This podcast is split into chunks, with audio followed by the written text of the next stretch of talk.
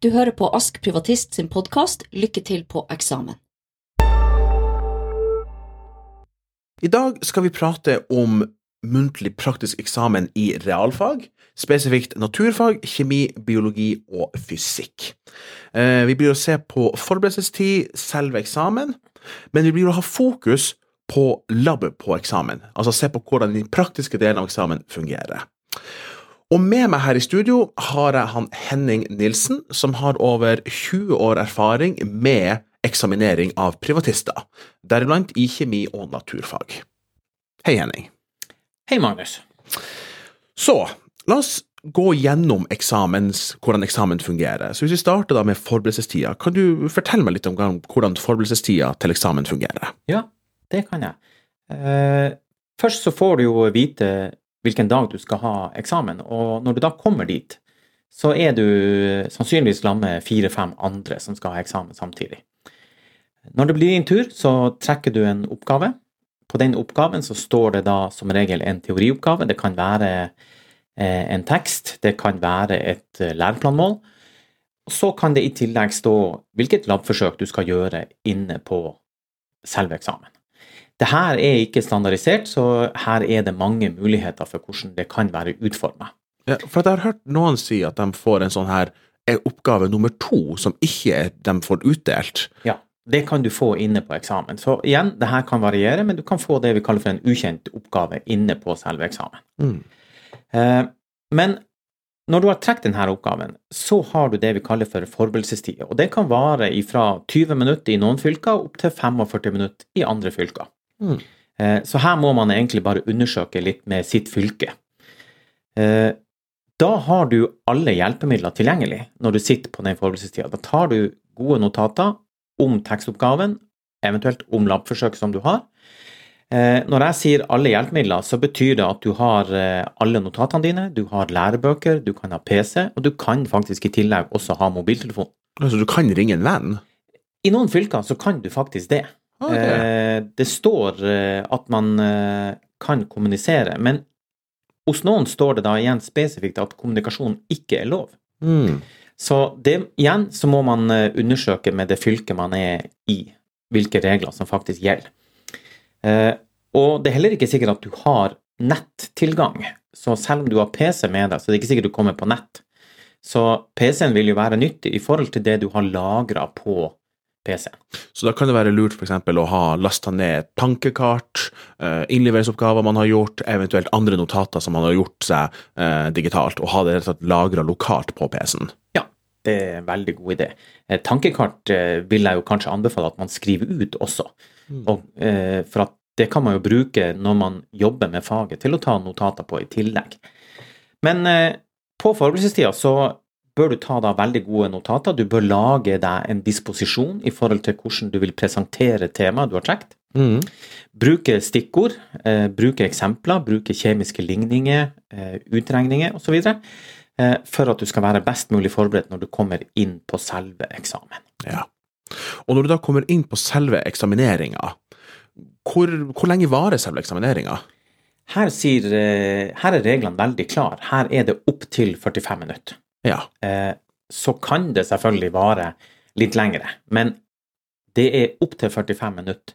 Det betyr i teorien at du kan være inne i 30 minutter, men Mm. det er nok mer vanlig å bruke alle de 45 minuttene. ja. Og i de 45 minuttene, hva, hva skal man gjøre i de 45 minuttene? Igjen så varierer det her litt fra fylke til fylke. Eh, Det som er ganske vanlig, det er jo at man starter med å ha et sånn foredrag om det temaet man har trukket. Ja. eh, ut ifra de notatene man da har tatt på forberedelsesdel.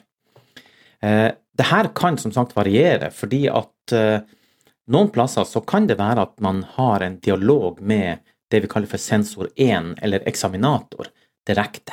Mhm. Så eh, det er litt sånn som kan avgjøres inne på forberedelsestida, hvilket opplegg du egentlig vil ha. At du avtaler det med sensor. ja. Du uh, nevnte at man bruker bruke notatene bra.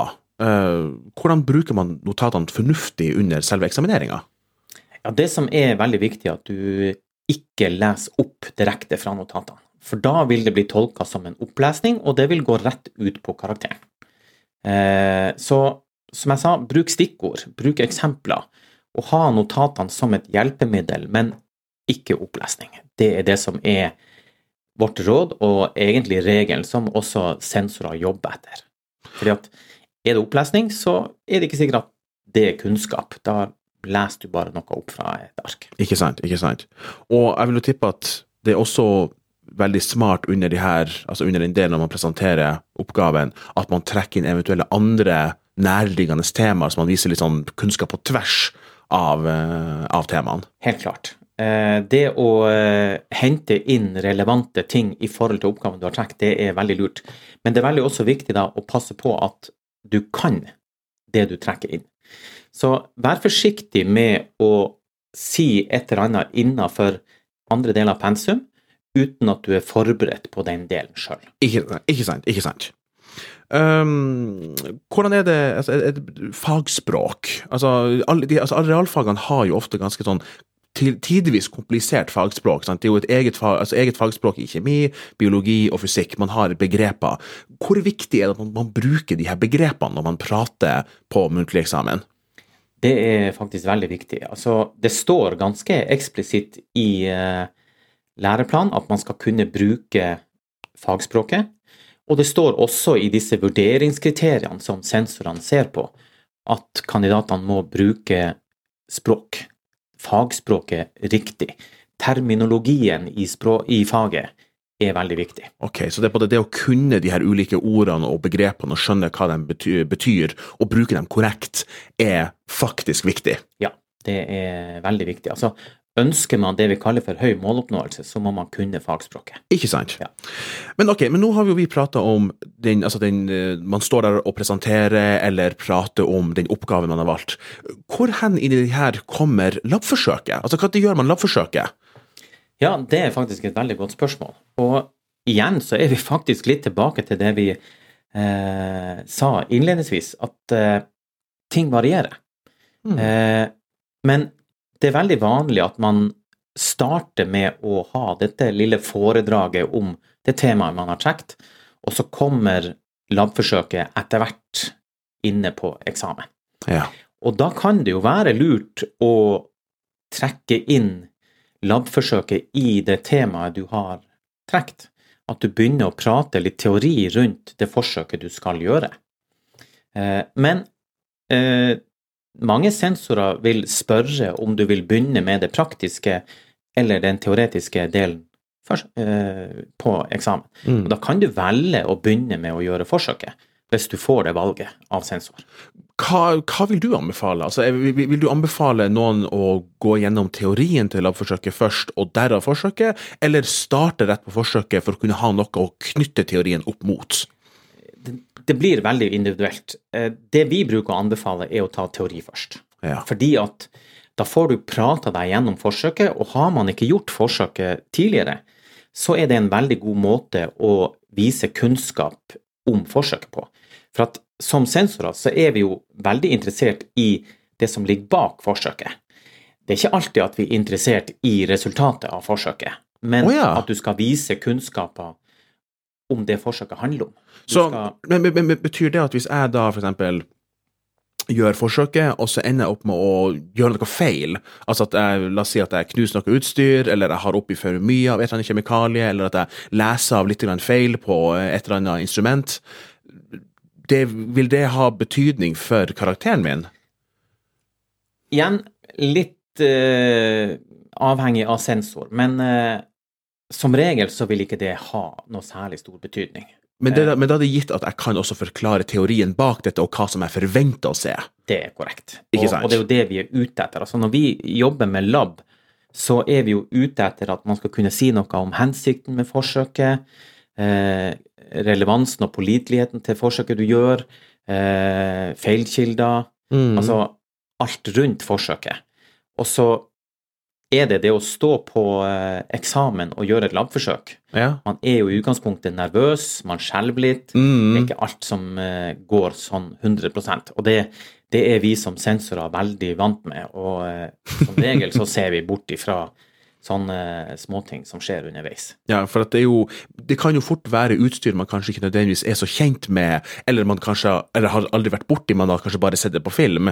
Eh, og da er det jo godt å vite at det, det er ikke utstyrhåndteringa som er i fokus, det er den bakenforliggende teorien som ligger til grunn. Ja, og det er korrekt. Og så igjen, altså det med lab, eh, det er jo også litt sånn eh, Varierer jo litt hvor mye av forsøket man må gjøre. Å ja, gjør det det? Fordi at eh, enkelte plasser så er det utstyr satt frem, og så skal man egentlig bare prate seg gjennom. Oh. Eh, at man ikke gjør ting i praksis, men at man skal forklare hva utstyret brukes til, man skal forklare hva man ønsker å gjøre med forsøket. Eh, hvilke feilkilder kan det være i forsøket man gjør? Mens andre plasser igjen så må du gjøre deler av forsøket, og andre plasser så må du gjøre hele forsøket. Så her er det store variasjoner. Men igjen, vi er ute etter teorien bak. Mm. Og det er jo derfor vi sa i sted at det er ofte veldig lurt å trekke inn litt av teorien til laben inn i det du prater om innledningsvis. Mm. Samtidig så kan du jo tenke deg motsatt, at når du da holder på med forsøket, så kan du jo trekke inn den teorien du har prata om tidligere, inn i det som du driver og gjør med forsøket. Så her er det, kan man kombinere Så, eh, men, men egentlig uavhengig om du starter med forsøket eller med presentering av oppgaven, så er det fortsatt viktig å knytte sammen det praktiske labforsøket med den teorien i faget. Ja, Det er helt klart. Det er jo det vi er ute etter. Altså det at du skal kunne skjønne teorien bak forsøket. Ja. Eh, ja. Men, øh, men når det kommer til, til de faktiske labforsøkene, hvem, hvem er det som bestemmer hvilke labforsøk man kan få? Eh, her er det jo eh, sensor på din eksamen som bestemmer det. Ja. Fordi at eh, muntlig praktisk eksamen er jo det vi kaller for en lokalgitt eksamen. Og da er det sensor som lager oppgavene på din eksamen. Og det gjør jo at uh, spennet i oppgaveteksten kan bli veldig stort, og også hvilke labforsøk du skal gjøre. Vi har jo i hvert av disse realfagene som det er praktisk muntlig eksamen i, så er det jo flere lærebøker. Mm. Og som regel er jo disse labforsøkene henta ifra lærebøker. Og eh, hvis vi ser på kjemi f.eks., så er det tre forskjellige lærebøker med ulike forfattere. Og det gjør at de forsøkene som står i de ulike lærebøkene, også vil variere. Og man kan jo komme borti da forsøk fra alle disse ulike lærebøkene. Men, okay, men hva gjør jeg da hvis jeg får et forsøk som jeg ikke kjenner igjen på noen måte, eller ikke har på at navnet på det forsøket er, virker ukjent for meg? Hva gjør jeg da? Igjen, vi må tenke teorien bak. Hva er det som er prinsippene bak det vi skal gjøre? Altså hvis det er et eh, forsøk med Hvis vi tar kjemi, da, eh, innenfor titrering, og du har gjort ei syre-base-titrering, eller sett film om syre-base-titrering, og så kommer det ei fellingstitrering, Mm. så si litt om utstyret. Hvis du kjenner igjen utstyret, si hva det skal brukes til. Hva er hensikten med et sånn type forsøk innenfor titrering, f.eks. Og eh, ja, snakk om prinsippene bak utstyret. Ja. Eh, og så må jo det være grunnlaget da, for det du da gjør rent praktisk. Ja, for jeg har også hørt noen har sagt at når de har spurt eh, sensor eller eksaminator om at ok, dette forsøket virker litt ukjent for meg, så har de av og til fått utdelt en labprotokoll eller blitt peka til at i boka her er noe som ligner på det du skal gjøre. Ja. Er, det, er det også ikke så uvanlig at det kan skje? Det er ikke så uvanlig. Så eh, det er jo også eh, litt avhengig av sensor, men som regel så får man jo noen hint. Altså, sensor er jo der for å få frem det du kan, Ja, ikke sant? Ikke sant? og vil jo hjelpe deg så eh, langt det er mulig å kunne hjelpe uten at det skal gå utover karakteren. Ja. Ja. ja um, hva Hvis du ville plukka ut noen på til sånne stikkord som er viktig å huske med lab, altså hva er det viktigste med lab? Med den praktiske delen. Hva, hva, hva, hva vil du eh, peke på da? Ja, altså det første, når du skal eh, gjøre et labforsøk, så det første du skal tenke på, det er jo det her med sikkerhet. For du må ha på deg, i hvert fall i kjemi og naturfag, og også biologi, så må du ha på deg labfrakk, eh, gjerne briller og hansker. Mm. Eh, kan jo selvfølgelig variere litt eh, i de ulike fagene. I fysikk f.eks., hvis du skal eh, eh, holde på med en strømkrets, så er kanskje ikke briller det viktigste. Eh, men sikkerhetsutstyr er det første. Eh, og så er det jo som vi har nevnt, altså det å ha prata litt teori før du begynner, Mm. alltid lurt. Men eh, det er viktig å få frem hensikten med forsøket. Eh, hva er det du ønsker å vise med dette forsøket? Mm. Eh, og så underveis, hva har du faktisk sett? Fikk du vist det du eh, ønska? Mm. Eh, hvilke feilkilder er det vi kan ha i dette forsøket? Hvilke forbedringer kunne man tenkt seg i forhold til det forsøket man har gjort? Mm. Så flere sånne ting som eh, man bør egentlig huske på underveis når man gjør det. Og så er det jo selvfølgelig å merke seg resultatene, fordi at i en del forsøk så skal man jo kanskje gjøre beregninger eller sette opp reaksjonsligninger, avhengig av hvilke fag man har gjort. Så Mm. notere ned også resultat underveis for å kunne bruke det når den praktiske delen faktisk er gjennomført, for å fortsette med litt teori og eh, andre ting. Men, hvis, men hvis, hvis jeg da gjør en feil, og så får jeg La oss si at jeg skal gjøre noen beregninger etterpå, etter lovforsøket, men så har jeg fått de svarene jeg har fått, altså det jeg har funnet ut gjennom forsøket, gir ingen mening. Altså de tallene jeg får, er helt, helt på bærtur. Ja, Det beste er jo selvfølgelig hvis du da klarer å skjønne at de tallene er på bærtur. Aha. Det, det, det, ville, det ville jo ha vært eh, helt klart det beste. Eh, men det vi er ute etter, er jo, som vi sa i sted, metoder. Ok. Eh, det er jo ikke alltid resultatene.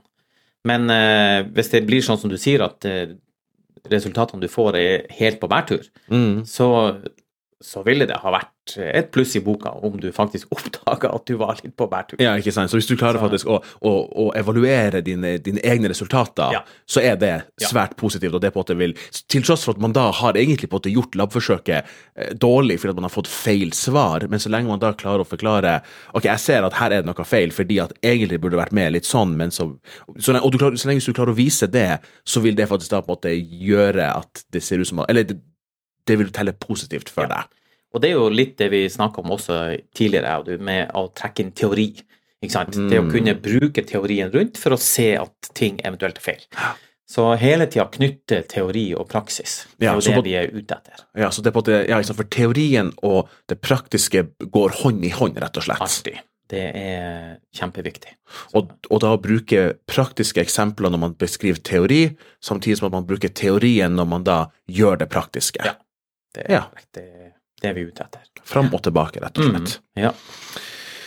Men ok, men uh, vi her på Ask, hva, hva kan vi gjøre for å hjelpe privatister ut i Norge når de skal opp til muntlig praktisk eksamen? Ja, vi har jo flere ting. Eh, hvis vi nå ser på det praktiske da, i forhold til lab-delen, som er det vi fokuserer på nå, så vi har jo våre lab-filmer, Mm. eh, som er eksempler på lab-forsøk du kan få på eksamen. Mm. Eh, viktig å huske at de er eksempler. Eh, du kan få andre forsøk. Ok, så, det, det ikke, så jeg kan få andre ting enn det som er faktisk på de videoene som ligger ute? Ja. Eh, og det er kanskje minst like vanlig at du får andre ting som at du faktisk får det vi har. Ikke film. sant? Eh, men våre filmer er jo da som sagt eksempler på hvordan ting skal gjøres. Og det er jo det du, man må bruke disse filmene til. Mm. Eh, og så har vi jo da eh, labhefte. Bruke labheftet aktivt. Fylle det ut, sende det inn, så får vi retta. Og da får vi jo eh, skrevet kommentarer til det dere har gjort. Sånn at eh, når dere da kommer på en eksamen, så har dere de riktige svarene i forhold til hvordan det skal være. Mm. Og her er det jo, når du kombinerer filmene og labheftet, så får du jo inn det riktige tankesettet i forhold til hvordan labforsøkene kan være på eksamen. Mm. Men så er det jo da at vi har også live veiledning. Hva er det for noe? Det er jo en mulighet du har som elev hos oss til å komme i direkte kontakt med en faglærer. Og der har du jo mulighet for å kunne diskutere også labforsøk. Oh, ja. Det er jo ikke sånn at vi bare hjelper med oppgaver, men det er veldig mange som bruker oss til å stille spørsmål om hvordan eksamen fungerer. Mm. Og eh, da kan du jo finne liste hos de ulike eksamenskontorene i de ulike fylkene. Noen har liste over labforsøk. Ja. Og har du de tilgjengelig, så kan vi på live veiledning gå litt gjennom de ulike forsøkene og prate om dem. Sånn at man er enda litt bedre forberedt på det som eventuelt kommer på eksamen. ja. Så gjennom live-veiledning så kan, kan, kan faktisk studentene våre få hjelp med, med faktisk labforsøkene, og hvordan man bør tenke, og teori bak, og eventuelle andre spørsmål det skulle være. Ja, og okay. eh, en ting er å se på selve forsøkene, men vi kan jo vi snakka jo om det tidligere også, det å trekke inn tema som er nærliggende. Det kan vi Mm. gjøre også i forhold til labforsøkene. Ja, ikke sant? Eh, hva er det Hvilke tema er de ulike labforsøkene relevant til, Ja. sånn i teori? Ja, ja ikke sant. Og så har vi jo vi har en ting til som også er verdifullt, har ikke vi det? Ja, vi har jo eh, vår prøvemuntlig. Og hva er det for noe? Eh, det er igjen en mulighet eh, du har som elev hos oss til å eh, få testa dine kunnskaper på en eh, prøvemuntlig eksamen i faget. Ok. Eh, så tar du naturfag, så melder du deg opp til prøvemuntlig naturfag, og så har du en oppgave, og så prater du fag. Eh, der er det jo ikke så veldig mye lab inkludert, men du får allikevel muligheten til å prate teori og hente inn tema som er eh, knytta opp mot den teorioppgaven du har sjekket. Så det er gode eksempler på oppgaver som eh, man kan komme borti på eksamen. Vi har jo faktisk fått tilbakemelding fra enkelte elever som har hatt prøvemuntlig hos oss, og så kommer på eksamen, og så har de fått omtrent akkurat samme oppgaveteksten. Ikke sant, eh, ikke sant. Så det betyr at prøvemuntligen er høyst relevant for muntlig eksamen, rett og slett. Ja. Veldig relevant. Så eh, det vi sier, det er at dere skal bruke liveledninga, og bruke prøvemuntlig Mm. aktivt. Det vil alle elever tjene på. Og, eh, og både liveledning og prøvemuntlig vil da både være positivt for, for det teoretiske, men også da kunne stille spørsmål rundt det praktiske, og på en måte, eh, hvis man har spørsmål rundt, Ja. rundt det. Så eh, det er Du, helt klart. du nevnte uh, det her med um, sånn labliste. Ja. Altså at noen fylker har labliste, men det virker som at noen fylker har ikke labliste. Hva, hva er greia der? Det varierer litt eh, fra fylke til fylke. Eh, vi jobber nå med å lage en oversikt over de ulike fylkene som har liste eh, med labforsøk som er relevant i de ulike fagene. Mm. Eh, men her anbefaler vi da å gå inn på eh, nettsiden til eksamenskontorene i ditt fylke. Eh, se om eh, fylket har sånne lister over labforsøk, og gjerne ta dem med da, som sagt, inn på liveveiledning, så kan vi prate om dem. Ja. Det som vi også anbefaler, er jo eventuelt, hvis de ikke har sånne lister liggende Ja, hos fylket, ta kontakt med den skolen du skal uh, ha eksamen på. Ja. Hør om de kan hjelpe deg. De kan jo f.eks. Uh, fortelle deg hvilken lærebok som brukes i det gitte faget på den skolen. Man Det kan, kan jo være en liten hjelp til i forhold til hvilke forsøk som kan komme på eksamen. Og det kan man faktisk da ringe, eh, ringe og spørre om, rett og slett. Ja. Ok, og det er jo fint å vite. Så eh, er det jo ikke alltid at man får eh, gode svar, men eh, det får man jo håpe på. Ja, før vi, eh, før vi avslutter nå, er det noen eh, siste ting eh, du har lyst til å si? eh, man, noen ekstra, ekstra ting du vil si vi bør huske på i forhold til eh, muntlig praktisk eksamen?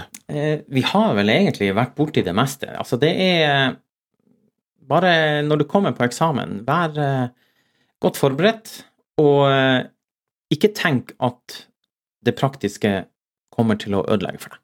Nei. Fordi at eh, det er teorien rundt vi er interessert i. Mm. Så eh, jeg tror og vet at det går bra med våre privatister på muntlig eksamen, eh, selv med praktiske innslag. Ikke sant? Så er det veldig, veldig greit å gjøre disse labforsøkene. Spesielt hvis du har sett på filmene vi har, og brukt liveledning og prøvemuntlig. Ikke sant? Da kommer du veldig langt. Det er veldig godt å høre. Ja, nei, eh, tusen takk for eh, at du var her og svarte på alle spørsmålene, Henning. Ja, bare hyggelig. Da eh, ønsker jeg alle sammen lykke til på eksamen. Lykke til på eksamen er laga av Ask Privatist.